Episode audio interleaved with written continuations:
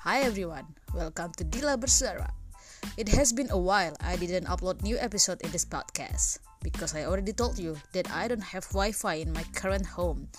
And currently there are many people creating podcasts, especially in this 2021.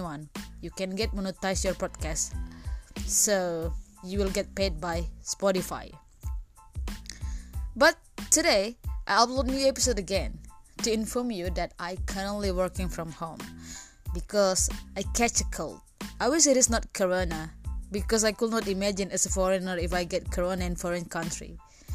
It doesn't mean if I go back to Indonesia I wish I got corona. Hell no. Well, I'm quite lucky because I catch a cold during this time.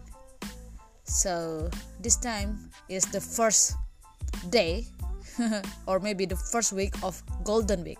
So in Japan, Golden Week Golden Week is a national holiday date. You will take the time for this holiday in one week. So there will be one week holiday Japan. How are you? Are you okay now? Thank you very much for listening this podcast. Since I don't use Wi-Fi in current home, I access my internet by using tethering. In Japan, if you want to use this facility, you should pay 500 yen every month. Well, to be honest, my phone payment monthly is around 10,000 yen. Usually I can use this quota internet up to 20 gigabyte.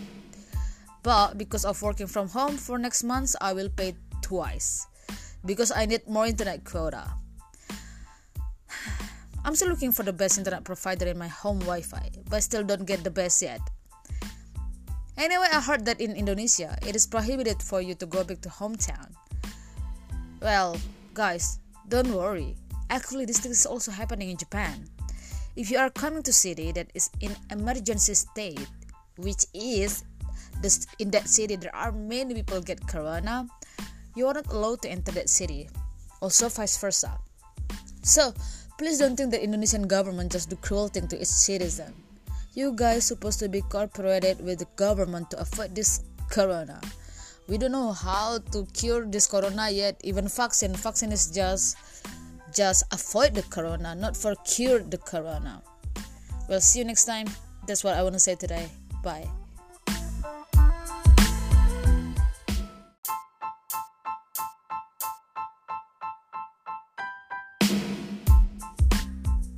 Ah, yeah, another thing that I would like to tell you. My phone was broken last week.